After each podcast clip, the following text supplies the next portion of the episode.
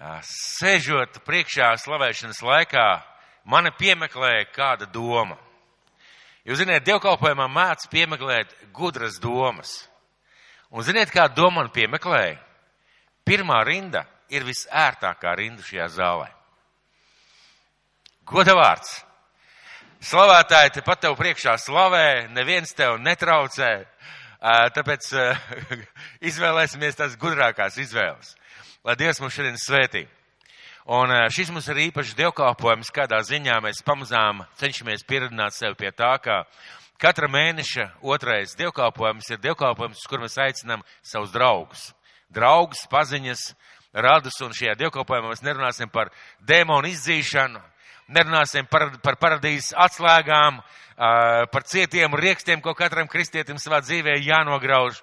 Mēs runāsim vienkārši skaidru evaņģēliju Un es ticu, ka arī tiem, kas jau ir rūdīti ticībā, arī šis skaidrais evaņģēlijs ir ļoti, ļoti vajadzīgs. Bet gribu jums atgādināt un teikt, ka uz mēnešu otriem divkalpojumiem noteikti var aicināt savus draugus un nedomāju, ka, ne, nedomāju, ka būs jāsaraksta un es nedomāju, ka būs jāmēģina izskaidrot, kādā krāsē vēlnim ir asta. To nevajadzēs noteikti izskaidrot pēc šiem divkalpojumiem. Bet lai Dievs mums tiešām, tiešām šie dienā svētī un es gribētu kopā ar jums lūgt lūgt par to, lai šie dievkalpojumi pamazām piepildās ar uh, neticīgiem cilvēkiem, un uh, tie esat jūs, draudze, kuriem šos cilvēkus ir jāaicina. Uh, Dievs aicina parasti ar cilvēkiem, tas nozīmē, ka mums draudze ir jāaicina savu draugi, paziņas radi, un svētās gars viņiem pēc tam arī pieskarsies un mainīs viņu dzīves. Tāpēc, lai Dievs svētī, ka mēs tā arī uztveram šos dievkalpojumus. Vai kāds varētu teikt āmen? Āmen! Āmen nozīmē, es piekrītu, lai tā notiek, vai ne? Debes Tēvs, paldies Tev, Kungs, par šo dienu. Paldies Tev, mīļais Kristu, ka šajā dienā mēs varam būt šeit.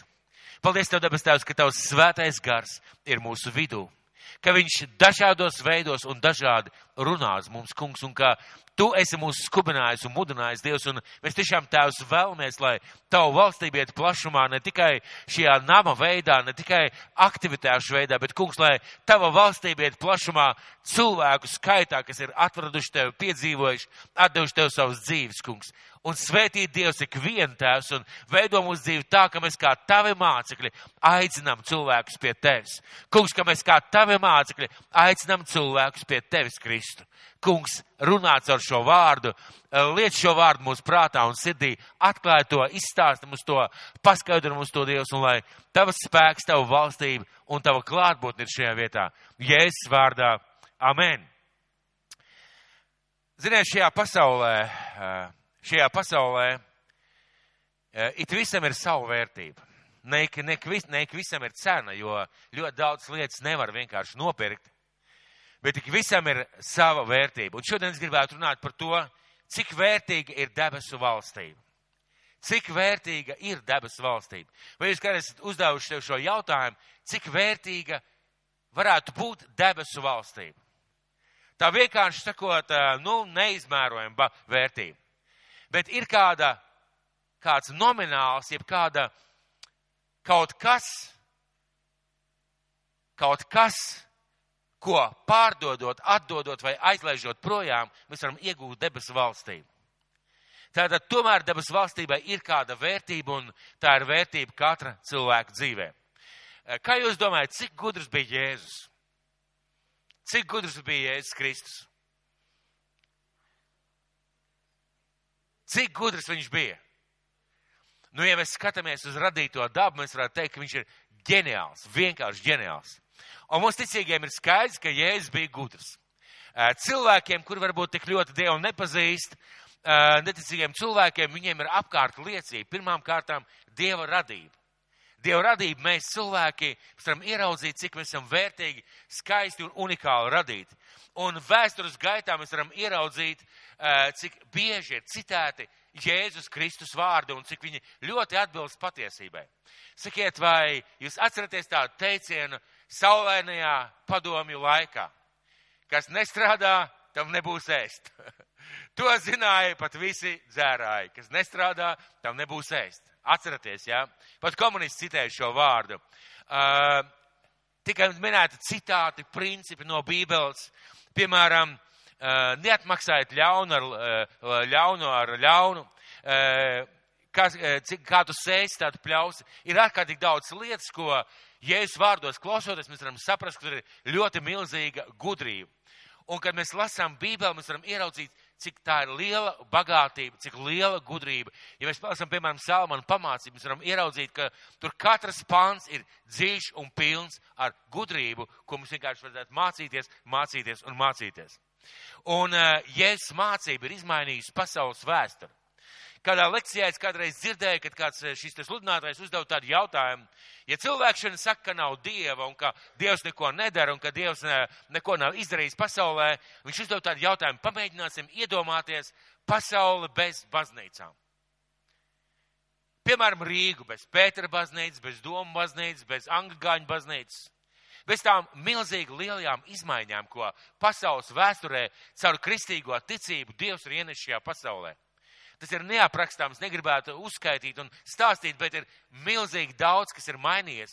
Un ir mainījies caur Dieva gudrību, caur svēto garu, caur ticīgu cilvēku rīcību, darbiem, vārdiem un atklāsmēm, ko Dievs viņiem ir devis. Mēs kristieši zinām, ka viņā mājo visa Dieva gudrība. Āmen! Vai Jēzu mājo visa Dieva gudrība? Amen! Viņā mājo visa Dieva gudrība. Viņš zināja un runāja par svarīgiem principiem, un viss, ko viņš mācīja, bija pilns dieva gudrības. Tas nozīmē, ka, ja mēs klausamies un ņemam vērā viņa vārdus, mēs nevaram kļūdīties. Tā ir tāda patiesība, kas nākus no debesīm, un es vienmēr domāju par to milzīgo privilēģiju, kas ir kristiešiem. Viņi saņem mācības, saņem vārdus, saņem informāciju no debesīm. Patiešām no debesu tēva. Un var neticēt, ka Jēzus bija Dieva dēls. Var neticēt, ka Jēzus bija Dieva dēls. Var neticēt, ka viņš nomira par mūsu grēkiem. Var neticēt. Cilvēks tam var neticēt, un viņš var neticēt, ka Jēzus nāks otrais. Bet tam, ka Jēzu mājoja milzīga gudrība, tur jābūt aklam, lai neticētu. Tur vienkārši jāiztaisa sev ciet acis un nav jāskatās apkārt uz pasauli un jāsaka, nē, tad es neticu, ka Jēzus bija gudrs. Un es domāju, ka ja mēs pajautātu kādiem cilvēkiem kaut vai uz ielas, vai Jēzus bija gudrs, varbūt viņš teikt, viņš bija liels skolotājs, izcila personība, brīnišķīgs cilvēks. Bet vai viņš bija gudrs? Jā, viņš bija gudrs.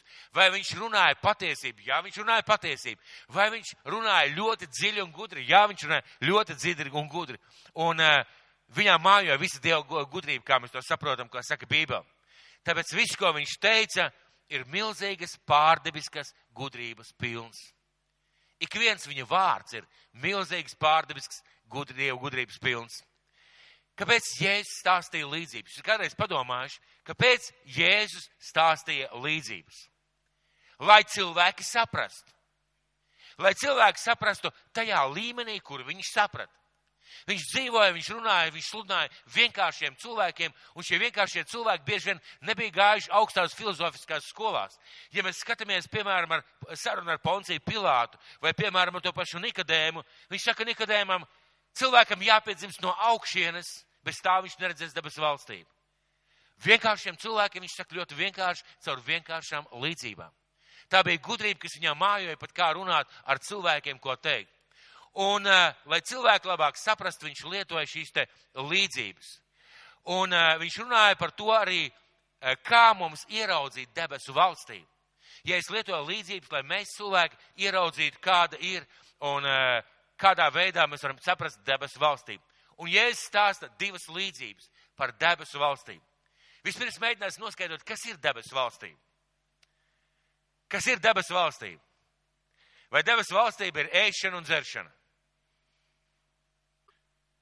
Bībeles teksts - miers, prieks un taisnības svētajā garā. Uh, bet vai ēšana un dzeršana arī tomēr kaut kā nesaistās ar Dievu valstību? Man gribētos teikt, ka jā. Bet, protams, ir vērtīgākas lietas. Un, ja mēs domājam par debesu valstību, tad Dieva valstība ir pirmām kārtām, sāksim ar to, ka Dieva mīlestība mūsu dzīvē. Tā ir Dieva valstība.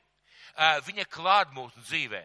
Mūsu atjaunotās attiecības ar debesu tēvu tā ir grēku piedošana, kad Dievs piedod mūsu grēkus, tā ir Dieva svētība mūsu dzīvē. Tā ir dziļa dzīves jēga, kāpēc mēs dzīvojam, ka mēs vienkārši neeksistējam. Tas ir miers, prieks, paļāvība. Tā ir dziedināšana, ko mēs varam piedzīvot caur Dievu pieskarumu mūsu dzīvē. Tā ir mūžīgā dzīvība, ko Dievs mums ir apsolījis. Un ja pajautātu, vai visi grib mūžīgo dzīvību, es domāju, ka lielākā daļa teiktu jā. Ja pajautātu, vai visi grib debesu valstību savā dzīvē, ja mēs uzskaitām šīs lietas, cilvēki teiktu, jā, jā, es to vēlos. Jā, es to vēlos, varbūt Jēzus man nevajag, bet es vēlos, lai ir miers, lai ir prieks, lai ir svētība, lai ir atjaunotas attiecības, lai Dievs rūpējas par mani. Visu to vēlētos. Visu to vēlētos. Un ja es stāstu divas līdzības, ja es tās divas līdzības un gribu parādīt, palūgt parādīt uz ekrānu pirmo līdzību. Un mēs šodien runāsim par Mateja evaņģēliju 13. nodaļas 44. pantu. Lūdzu, uzliksim. Izskatās skaisti. Vai kāds viņu atrada nesen savā dārziņā? To podu. Tad Mata evaņģēlijas 13. nodaļa 44. pants. Jēzus stāsta tādu līdzību. Debesu valstība līdzinās tīrumā apslēptai mantai ko cilvēks atrada un paslēpa, un priecādamies par to noiet un pārdot visu, kas tam ir, un pērk šo tīrumu. Ja es stāstu šo līdzību, uh, un šeit mums tāda priekšā tāds vizuāls priekšstats, kā varētu izskatīties šī te manta. Tātad šis cilvēks strādāja tīrumā. Tas nozīmē, ka viņš nebija bagātnieks. Viņš nebija bagāts cilvēks, viņš strādāja tīrumā, un šis tīrums viņam nepiederēja. Viņš strādāja šajā tīrumā. Viņš, viņš bija vienkārši cilvēks, strādāja ne savā tīrumā. Un tīrumā, kurā viņš darbojās, viņš pēkšņi atrod bagātību, viņš atrod naudas podu. Mēs varam ieraudzīt, ka viņš atrod netīšām. Viņš nemeklēja tīrumā naudas podu, viņš atrod šo eh, naudas podu netīšām šajā, šajā tīrumā. Un eh, kas varētu būt šis tīrums, tā varētu būt mūsu dzīve. Viņš netīšām speciāli nemeklējams atrod, uzdūrās uz šādu podu. Vai kāds no jums eh, savā dzīvē kādreiz meklēja, apzināti meklēja debesu valstību? Ir kāds, kas tā nolēma, es meklēšu debesu valstību. Ir kāds mūsu vidū tāds? Es domāju, ka mēs lielākā daļa nemeklējam debesu valstību tā apzinātā veidā. Varbūt mums bija tāda nojausma, ka ir Dievs. Bija tāda sajūta, ka Dievs varētu būt kaut kas liels un varants. Iespējams, ka mums bija tāda sajūta, bet lielākā daļa no mums apzināti nemeklēja Dievu savā dzīvē. Un tad ar kādiem apstākļiem, cilvēkiem, notikumiem viņš ienāca mūsu dzīvē. Pat tie, kuri bērnībā tika atvesti šeit uz dievkalpojumu, kā mana meita, kad kādreiz viņai pajautā, kā tu nonāci baznīcā, viņa saka, man vienkārši nebija izvēles. Mani ar ratiem ieripināja baznīcā. Un tā es nonācu baznīcā. Bet, protams, ka viņi ir piedzīvojuši Kristu, viņi ir viņi ielaiduši Jēzus savā dzīvē. Bet lielākā daļa mums nemeklē tieši tāpat kā šis cilvēks. Bet viņš sastopās ar šo bagātību, kas apraktajā tīrpā. Un, ziniet, viņš saprot šo vērtību. Viņš saprot to, ka tas, ko viņš ir atradis, ir ļoti, ļoti, ļoti vērtīgs. Un vērtīgāks par visu, kas viņam ir vērtīgāks par visu, kas viņam ir. Ko viņš dara? Viņš priecādamies par to noiet un pārdot visu, kas tam ir, un pērk šo tīrumu. Redziet, šī līdzība mums stāsta kādu interesantu lietu, kā viņš tad bija vienkārši cilvēks, vienkārši cilvēks, viņš strādā svešā tīrumā, viņš atrod šajā tīrumā naudu. Un Bībele nesaka, ka viņš aizgājis atdevis saimniekam, viņš izdara savādāk, viņš aiziet un nopērk šo tīrumu. Vai kāds kādreiz ir skatījies video par dārgumu meklēšanu? YouTube video filmas par dārgumu meklēšanu. Ir kāds skatījies? Redz, pēc manas rokas daudz ir skatījušies. Vai jūs tas saist, es nezinu, man tas liekas interesanti, vērtīgi un interesanti. Un tur ir viena interesanta lieta tu nevari iet svešā pamestā mājā, meklēt dārglietas, pirms tu neesi sarunājis ar saimnieku. Pareizi? Un otra lieta, ja tu saproti, ka tur varētu kaut kas būt, es redzēju vienu interesantu video, kur cilvēks, viņš zināja, izskaitot, kurā gadā tā māja ir celta. Viņš zināja, kā tajā laikā cēla mājas. Viņš teica, šeit zem šī stūra ir jābūt naudiņai. Tur pie ieejas ir jābūt naudiņai zem starp, starp šiem te, starp pirmajiem baļķiem. Tajā stūrī uz sijām jābūt naudai. Un ziniet, ko viņš izdarīja? Viņš aizgāja, samaksāja saimniekam par tiesībām meklēt šajā mājā. Šis cilvēks, ja viņš būtu meklējis, teiksim, bez atļaujas, viņš būtu zagts. Šis cilvēks, viņš saprot, ka tā manta ir tik dārga, viņš aiziet un nopērk šo tīrumu. Viņš aiziet un nopērk šo tīrumu. Un vienīgais kā veids, kā nopirkt šo tīrumu, ir pārdot visu, kas viņam ir. Vienīgais veids, kā nopirkt, uh, viņam ir pārdot visu, kas viņam ir. Lai, viņš, lai šis cilvēks nopirkt šo tīrumu, tad viņš pārdod visu. Ko nozīmē visu? Visu nozīmē visu. Visu, kas tam ir. Un ne tikai pārdod, viņš nopērk šo tīrumu. Un es skatījos, kā šis vīrs, kurš meklē šos dārgumus, uh, viņš tiešām, viņš, viņš tā arī teica publiski, es nopirku tiesības šeit meklēt, saimniekam vienalga, es samaksāju viņam par to. Un viņš ar Dankrotu, ziniet, šo te, kur mašīnas ir, viņš cēla augšā to guļbūvi. Un ticiet vai nē, tur stāvēja sudraba nauda. Tad viņš teica, tagad mēs iesim pie otras stūra. Viņš aizgāja pie otras stūra, parakās apakšā, atkal ar dankrutu spiež, un atkal ir nauda. Viņš zināja, ka tur jābūt, un viņš meklēja. Un viņš bija samaksājis par to. Šis vīrs, par ko mēs lasām liecībā, šajā līdzībā, viņš nopērk šo tīrumu, lai varētu dabūt šo bagātību. Un dārgums pieder viņam. Un šis dārgums ir daudz vairāk nekā viss, kas tam bija. Ja es ļoti skaidri parādu, ka tas dārgums, ko viņš ieguva, bija daudz vairāk nekā viss, kas, kam tas bija. Sakiet, par kādu dārgumu Jēzus šeit runāja? Viņš runāja par sevi. Viņš runāja par debesu valstību, jo līdzība sākās debesu valstība līdzinās tīrumā apslēptai mantai. Debesu valstība ir manta, kas apslēpta tīrumā. Ko cilvēks atrada un paslēpa, un priecādamies par to noiet, pārdot visu, kas tam ir, un pērk šo tīrumu.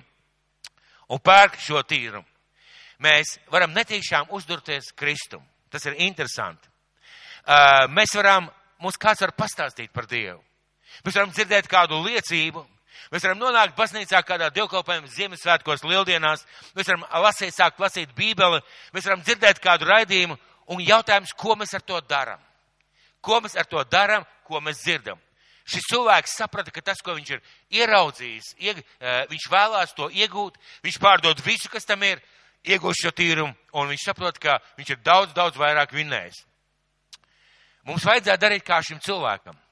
Un tad, ja es stāstu uzreiz otru līdzību, un 45. pantā ir otra līdzība, vēl debesu valstība līdzinās tirgotājiem, kas meklēja dārgas pērles.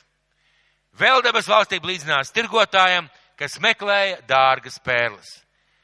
Pērle, redziet, mums uz ekrāna ir dārga pērle, kas meklēja dārgas pērles.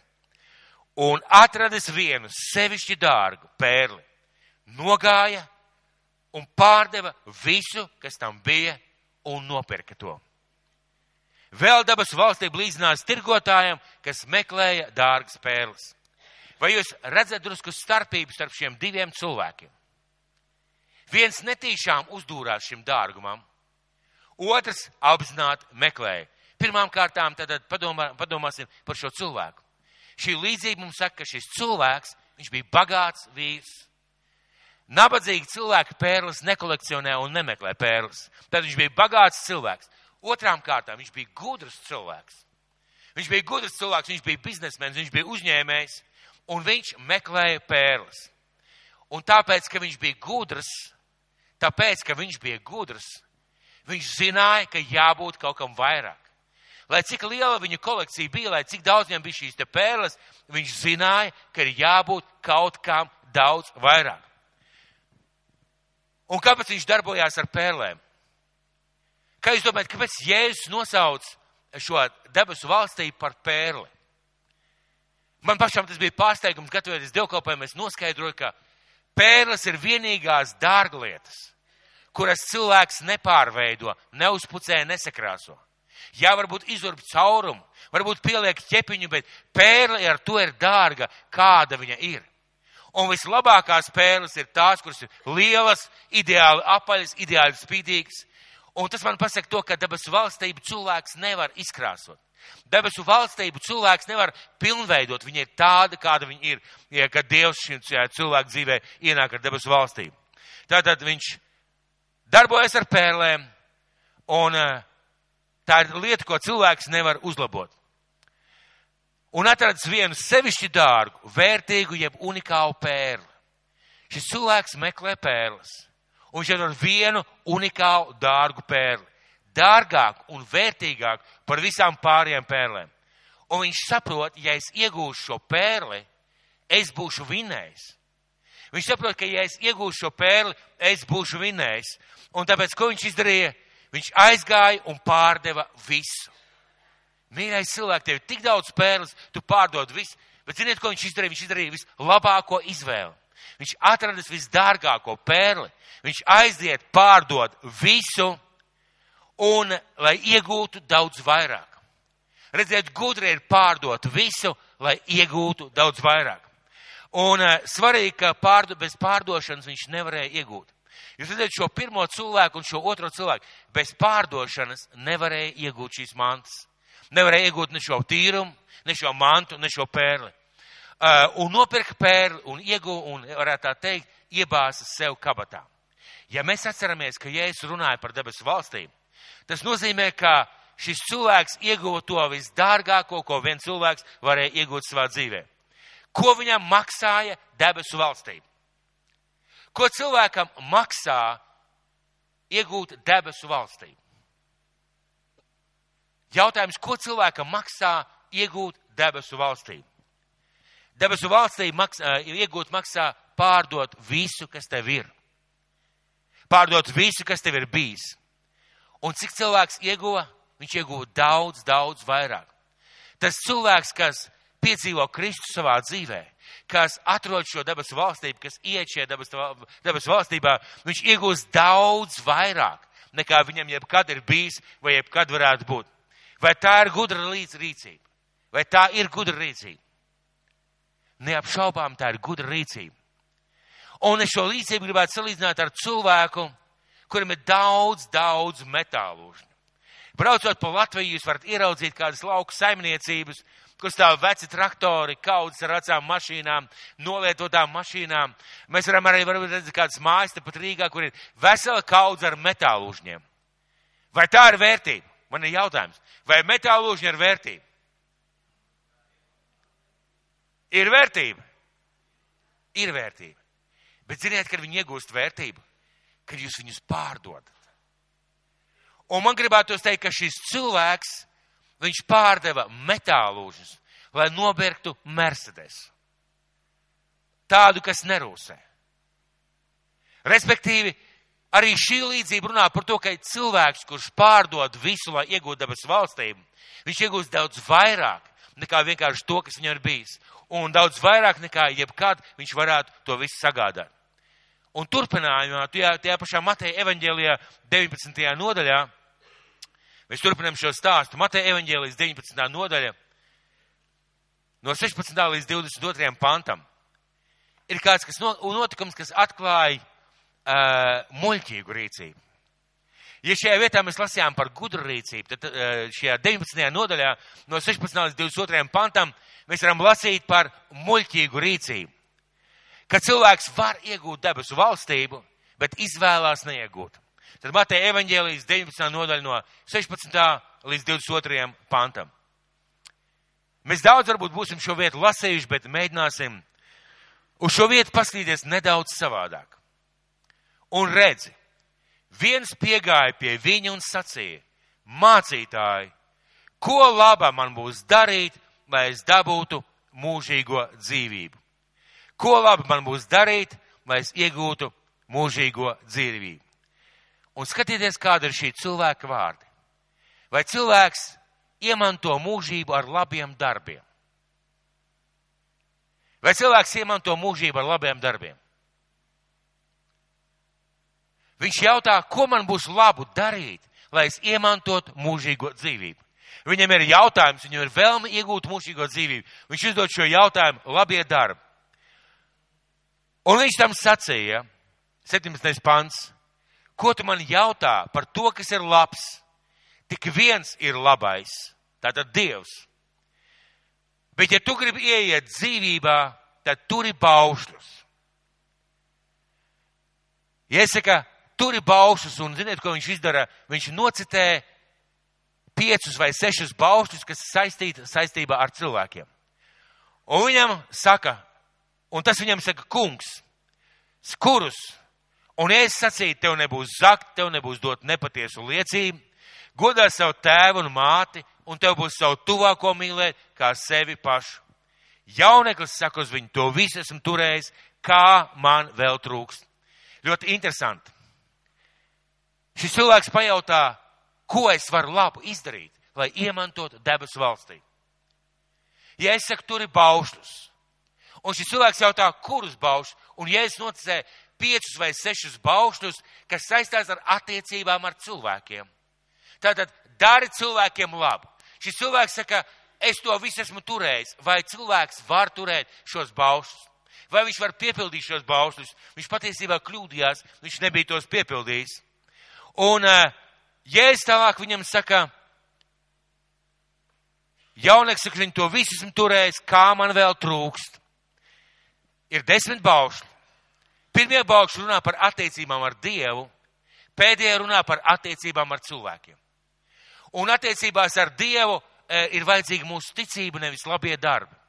Mēs netiekam glābti ar labiem darbiem. Ja es šo cilvēku izaicinādam, saka, dari labus darbus. Šis cilvēks, esmu darījis labus darbus. Esmu turējis šos baušus. Esmu darījis visus šos labos darbus, kas saistās ar cilvēkiem. Un tad, es viņam sacīju, ja tu gribi būt pilnīgs, skatieties. Otrā daļa - labie darbi cilvēkiem. Pirmā daļa - ticība Dievam. Un iesaka, ja tu gribi būt pilnīgs, ja tu gribi izpildīt to pirmo daļu, kas ieved debesu valstībā, tad lūk, ko izdarīja. Ja tu gribi būt pilnīgs, tad noej, pārdod visu, kas tev ir, un atdod to nabagiem. Ļoti līdzīgi kā šie līdzībā ar, ar šīm te pērli un apslāpto mantu pareizi. Noej pārdod visu, kas tev ir, atdod to nabagiem, tad tev būs manta debesīs, un tad nāc un staigā man pakaļ. Tad nāc un staigā man pakaļ. Ļoti svarīgi tad nāc un staigā man pakaļ. Viņš nesaka vienkārši pārdod visu, kas tev ir. Viņš nesaka vienkārši dzīvo kā mūks, viņš nesaka vienkārši pārdod visu, aizmirst visu, dzīvo nabadzībā. Viņš saka, pārdod visu, kas te man tev ir, un nāc, saka man pakaļ. Un ko viņš šajā vietā pasaka? Ar šiem vārdiem viņš patiesībā pasaka, viņš, viņš atklāja šim cilvēkam pirmo, pirmo un otro bausli. Tev būs Dievu kungs, savu kungu mīlēt no visas sirds, dvēseles, prāta un, eh, eh, dve, eh, un spēka, un savu tuvāko kā mīlēt pašu. Savu tuvāko mīlēt kā sevi pašu. Patiesībā, jāsaka, tev tā otrā daļa ir bijusi, tu domā, ka tu esi turējis šos labos darbus. Bet ir pirmā daļa. Mīli Dievu to kungu no visas savas sirds. Un, ja tu mīli Dievu to kungu no visas savas sirds, tad lūk te uzdevums. Pārdod visu, kas tev ir, un nāc, seko man pakaļ. Un nāc, seko man pakaļ. Un uh, svarīgi saprast, ka, ja es nesaku vienkārši pārdot, viņš nesaka vienkārši dzīvo nabadzībā. Viņš saka pārdot to, kas tev traucē sekot man, un nāc, seko man pakaļ. Un, ja mēs domājam par mācekļiem, kā jūs domājat, cik viņi atstāja? Mēs jau iepriekšējos divkopojums esam runājuši, Matejs sēdēja pie naudas lādes. Matejs sēdēja pie naudas lādes, viņš varēja labi dzīvot, viņš arī labi dzīvoja. Un, ja es iet garām, viņam saka, seko man pakaļ. Atkal šis vārds seko man pakaļ. Ja tu gribi iemantot dzīvību, Jēzum pakaļ. Un Matejs seko. Viņš aiziet pie Jāņa un pie Pētera, un viņš saka, es jūs darīšu par cilvēku zvejniekiem, nāciet, sekojiet man pakaļ. Viņi atstāv laivu, atstāja tīklus, atstāv savu ienesīgo biznesu un seko Jēzum pakaļ, kļūst par viņu mācekļiem. Mēs varam iemantot Dievu valstību tikai tad, kad mēs sekojam Jēzum. Nevis vienkārši pārdodam, nevis vienkārši uh, kaut kādā veidā darām lietas, kas nav svarīgas, vai, vai pārdodam savu bagātību. Tikai tad, kad mēs sekojam Jēzum pakaļ. Un ziniet, ja Jēzus ir Dieva dēls, un viņš ir. Ja viņā mājo visa gudrība, tas nozīmē, ka tā arī ir.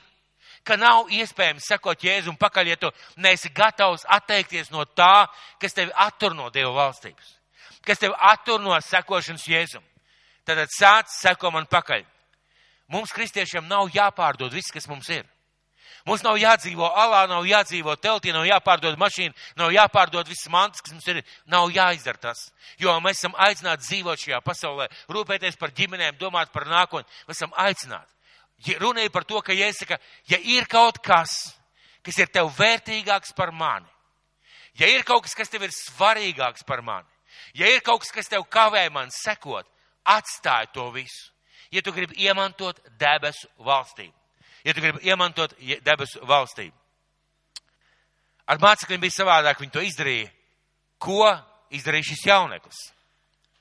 Bet, kad jauneklis dzirdēja šos vārdus, viņš aizkāja noskums, jo tam bija daudz mantas. Vai viņš noskuma par vārdiem nāca seko man pakaļ? Kā jūs domājat? Vai viņš noskuma par vārdiem nāca seko man pakaļ? Viņš noskuma par to, ka viņam Jēzus pajautāja pārdod visu to, eh, kas tev traucē man sekot. Un šie, šis jautājums, ko Jēzus uzdev šim cilvēkam, viņš parāda, kas ir šī cilvēka sirdī. Viņš gribēja debesu valstību. Viņš jautā jautājumu, kas ir aktuāls visiem cilvēkiem, kas ir mūžīgā dzīvība kā iemantot mūžīgo dzīvību.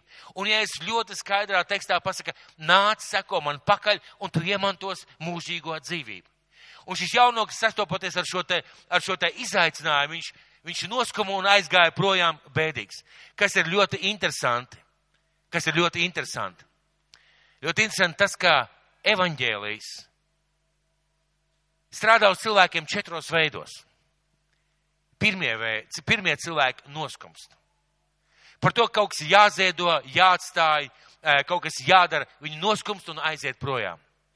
Otrie cilvēki, viņi paliek vienaldzīgi. Evanģēlijas, nu, man neko nenozīmē, tas, tas neko nenozīmē manā dzīvē. Trešie cilvēki paliek dusmīgi. Par evanģēliju, par evanģēliju izaicinājumu, par Dievu vārdu, viņi paliek dusmīgi. Ceturtie cilvēki paliek priecīgi. Vai jūs atceraties tos cilvēkus, kurus Jēzus dziedināja? Atcerieties, rakstīts, un viņš priecīgi sekoja Jēzum pakaļ. Šis cilvēks saprot, ka viņi ir iemantojuši kaut ko daudz vairāk. Un ja mēs saliekam kopā šīs tev līdzības, ko Jēzus stāstīja, un šo stāstu mēs ieraugam, mēs ieraugam, ka bez, bez tā, ka tu esi gatavs atstāt visu, lai sekotu Kristum, nevar iemantot debesu valstību. Nav iespējams.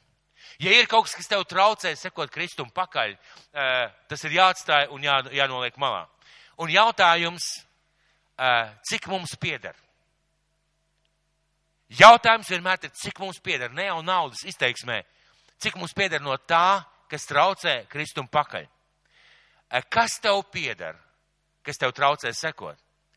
Vai tā ir tava pārliecība, vai tava manta, vai kādas citas vērtīgas lietas, kas ir tas, kas tev traucē jēzum pasekot? Un kas ir pārsteidzoši, tik ļoti bieži cilvēkiem sekot pakaļ kristum traucē viņa izglītība. Kādā ziņā? Gudrība saka, šīs pasaules gudrība saka, dieva nav. Un man ir jāizdara tas, man ir jāizdara tas, ja man ir jāizdara tas, es sekošu pakaļ. Ir cilvēki, kuriem traucēs pakaļ, sekot pakaļ Jēzum, viņu sāpes, iepriekšējās ciešanas un pārdzīvojumi. Kur Dievs bija, kad man notika manā dzīvē tas? Kur Dievs bija, kad manā dzīvē notika tas? Kur Dievs bija, kur viņš skatījās? Un kas ir dramatiskākais, tā ir tā bagātība, ko cilvēks ir gatavs turēt pie sevis, neatlaist, neatdot projām, lai sekot Kristum. Ir cilvēki, kuriem ir mantiskas lietas, mantiskas vērtības. Man nav laika sekot Kristum. Man nav laika kalpot, man nav laika iet svētdien uz baznīcu. Man ir svarīgi pelnīt naudu, jo tā ir mana iztika, mana, manas rūpes, mana gādība. Un tādā gadījumā šī nauda traucē kalpot cilvēku, cilvēkam sekot Dievam. Ir cilvēki, kuriem rūkums un dusmas traucē. Un rūkums un dusmas un nepiedošana ir viens grandios šķērslis, kas traucē cilvēkiem sekot Dievam. Grandios šķērslis. Un, ja es saku, pārdot to visu, pārdot visu, kas tev ir. Un tagad padomāsim šajās divās, divās līdzībās. Cik varēja būt tam cilvēkam daudz mantas, ja viņš strādāja svešā tīrumā. Cik viņam varēja būt daudz mantas? Nekas daudz pareizi. Bet, lai iegūtu kaut ko milzīgu, vērtīgu, viņam šo neko daudz vajadzēja atdot projām. Ja mēs skatāmies šo pēļu tirgotāju, un mēs iedomājamies, ka viņam bija daudz pērles, bet acīm redzot, ja viņš bija gudrs cilvēks, nu viņš saprata, ka šī viena pērle ne tikai līdzinās visām pārējām pērlēm, ir vērts visas pārējās pērles pārdot, lai iemantot šo vienīgo, unikālo un neatkārtojumu. Es nezinu daudz par dārglietām, bet es zinu, ka ir dārglietas, jeb e, dažādas lietas, tiksim, gan pērles, gan, gan dimanti, tam līdzīgi, kas ir vienā eksemplārā. Un atcīm šis cilvēks saprata, ka tas ir vienā eksemplārā.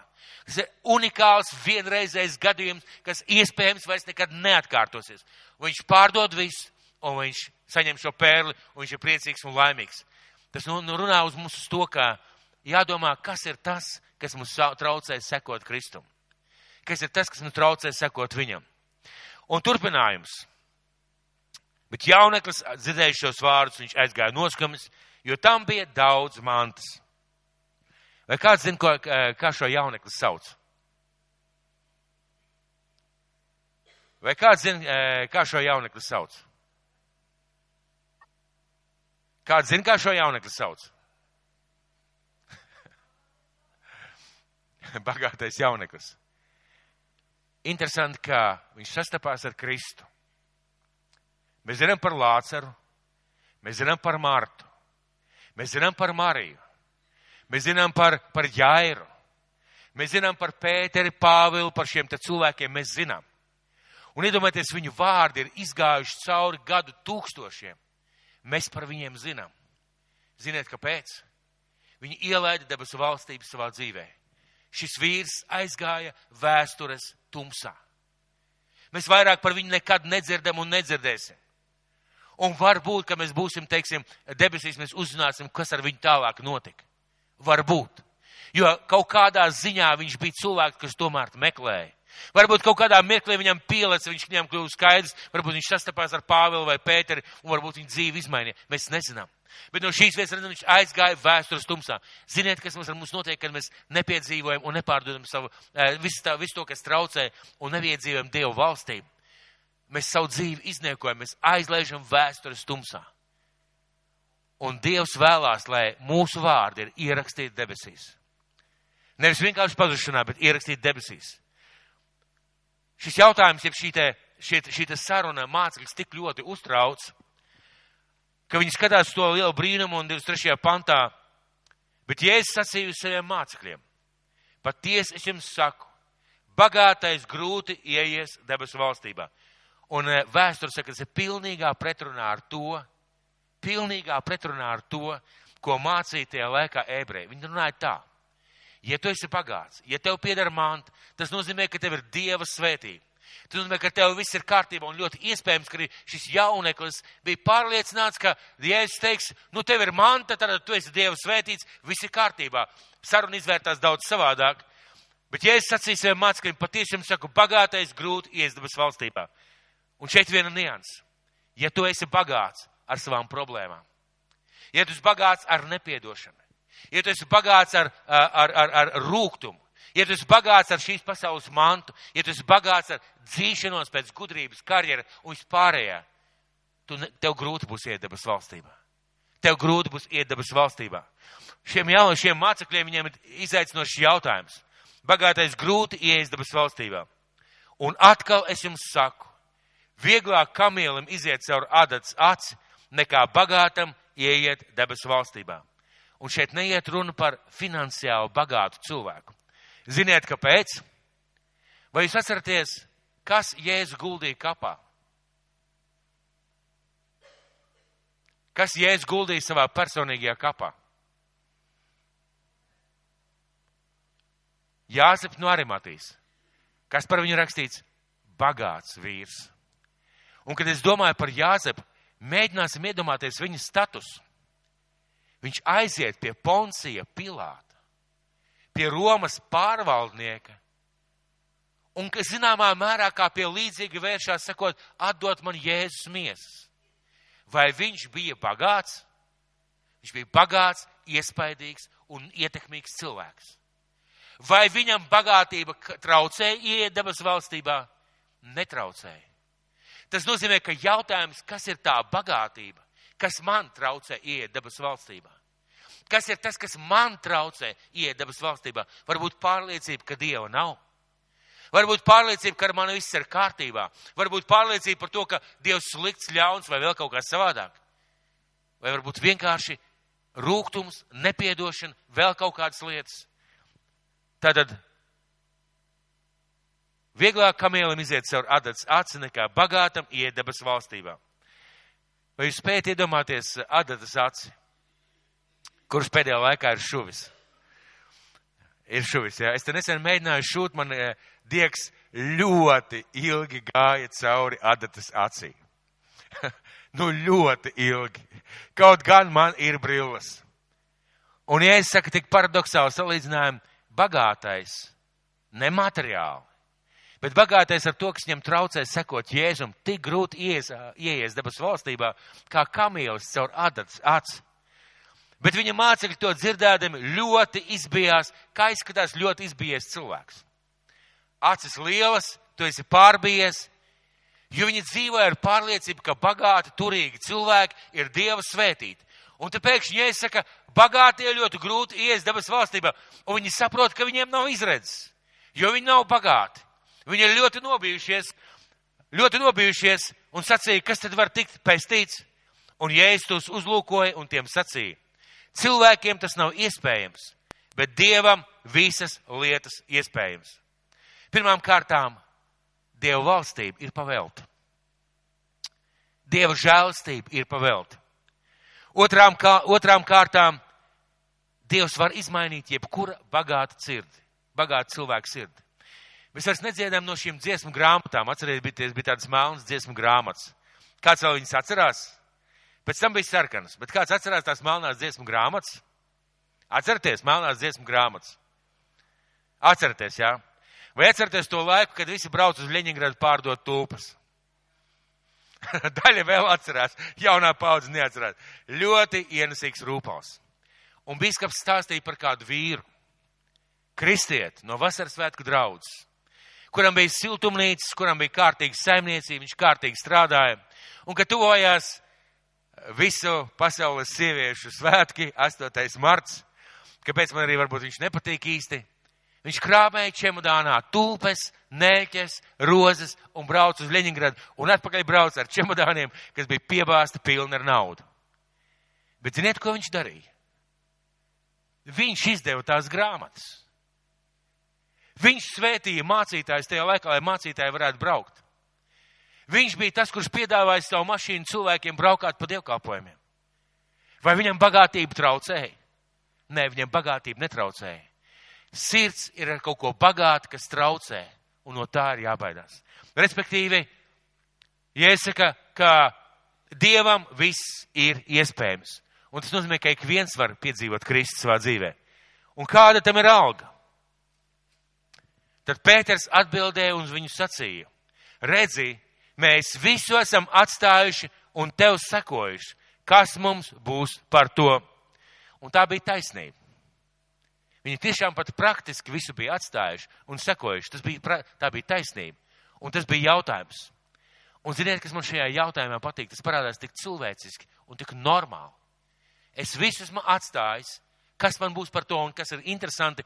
Ja šajā vietā neno, nenorāja Pēteru un nesaka, Pēter, ah, tu mankārīgais, ah, tu sautīgais. Tu man seko tikai tāpēc, lai tev par kaut kas, kaut kas par to būtu, jo sāka viņi sekot ne tāpēc, lai kaut kas būtu. Sāka viņi sekot Jēzum tāpēc, ka Jēzus bija šis te pravietis, ko viņi uzskatīja par pravietu. Un lūk, notiek kas tālāk. Tālāk viņš runā tālāk. Redzēji, mēs visi esam atstājuši un tev sekojuši, kas mums būs par to? Kas tev būs par to, ka tu esi sekojis Jēzum? Bet, es sacītiem, patiesi es jums saku. Kā jums izklausās vārdi, patiesi es jums saku. Latvijas tas būtu goda vārds. Un iedomājieties, Dievs saka, goda vārds. Dievs it kā liek pats sevi ķīlā saviem vārdiem, un viņš saka, patiesi es jums saku. Jūs, kas man sekojuši jaunajā pasaulē, un atkal ļoti interesanti, jūs, kas man sekojuši, nevis noticējuši Dievam tikai, nevis tikai pieņēmuši debesu valstību, nevis tikai runājot par debesu valstību, bet jūs, kas man sekojuši jaunajā pasaulē, kad cilvēku dēls sēdēs uz savu godības krēslu, arī sēdēsiet uz 12 krēsliem un tiesāsiet 12 Izraēla ciltus. Es domāju, ka mēs lielākā daļa esam lasījuši, ka Jāņa atklāsmes grāmatā apustulis Jānis, viņš redz kādu interesantu ainu. Atcerieties 24 vecāji pie Dieva troņa.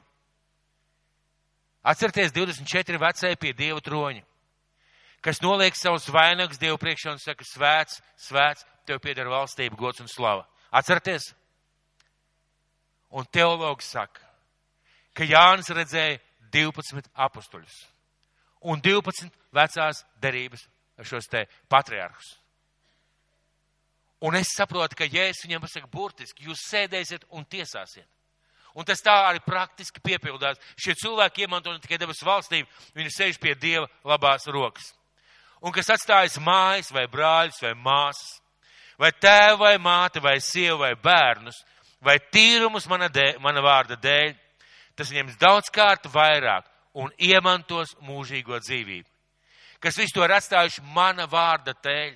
Šī vēlreiz iet runa par to, ka nevis vienkārši atstājas, nevis vienkārši dzīvojas nabadzībā, nevis vienkārši izdomājas nabadzības kultu, bet atstājas mana vārda dēļ. Un mēs zinām, ka daudz cilvēku daudz ko ziedojuši, lai sekot Kristum. Daudz ko ziedojuši, lai piepildītu savu aicinājumu. Daudz ko ziedojuši, lai darītu Dieva darbus, un vēl šodien ziedo, un vēl šodien dara. Un ja es saku,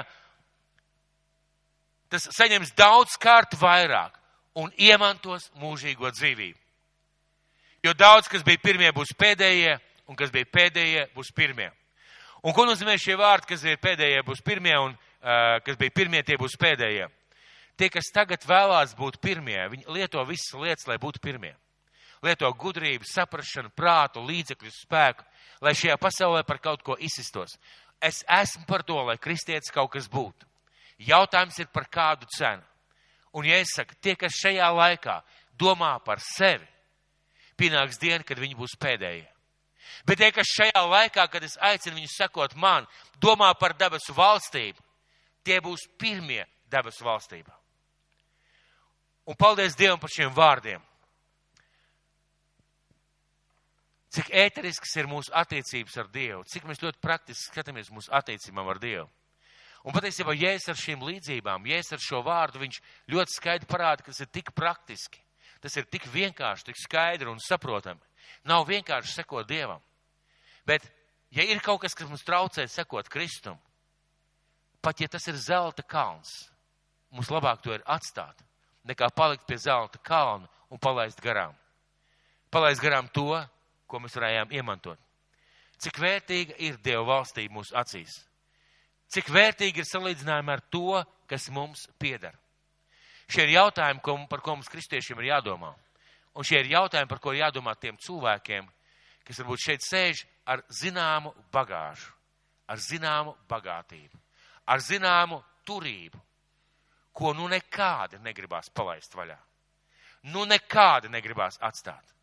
Un par šīm lietām ir jādomā cilvēkiem, kas savu dzīvi vēl nav atdevuši Kristum. Ko nozīmē dzīve atdot Kristumu vēstulē romiešiem? Vēstulē romiešiem sastajā nodaļā ir tādi vārdi. Vēstule romiešiem sastajā nodaļā. Desmitajā nodaļā es atvainojos. Jo, ja tu ar savu muti apliecinās Jēzu par kungu un savā sirdī ticēs, ka Dievs viņu uzmodinājis no miroņiem, tu tiksi izglābts.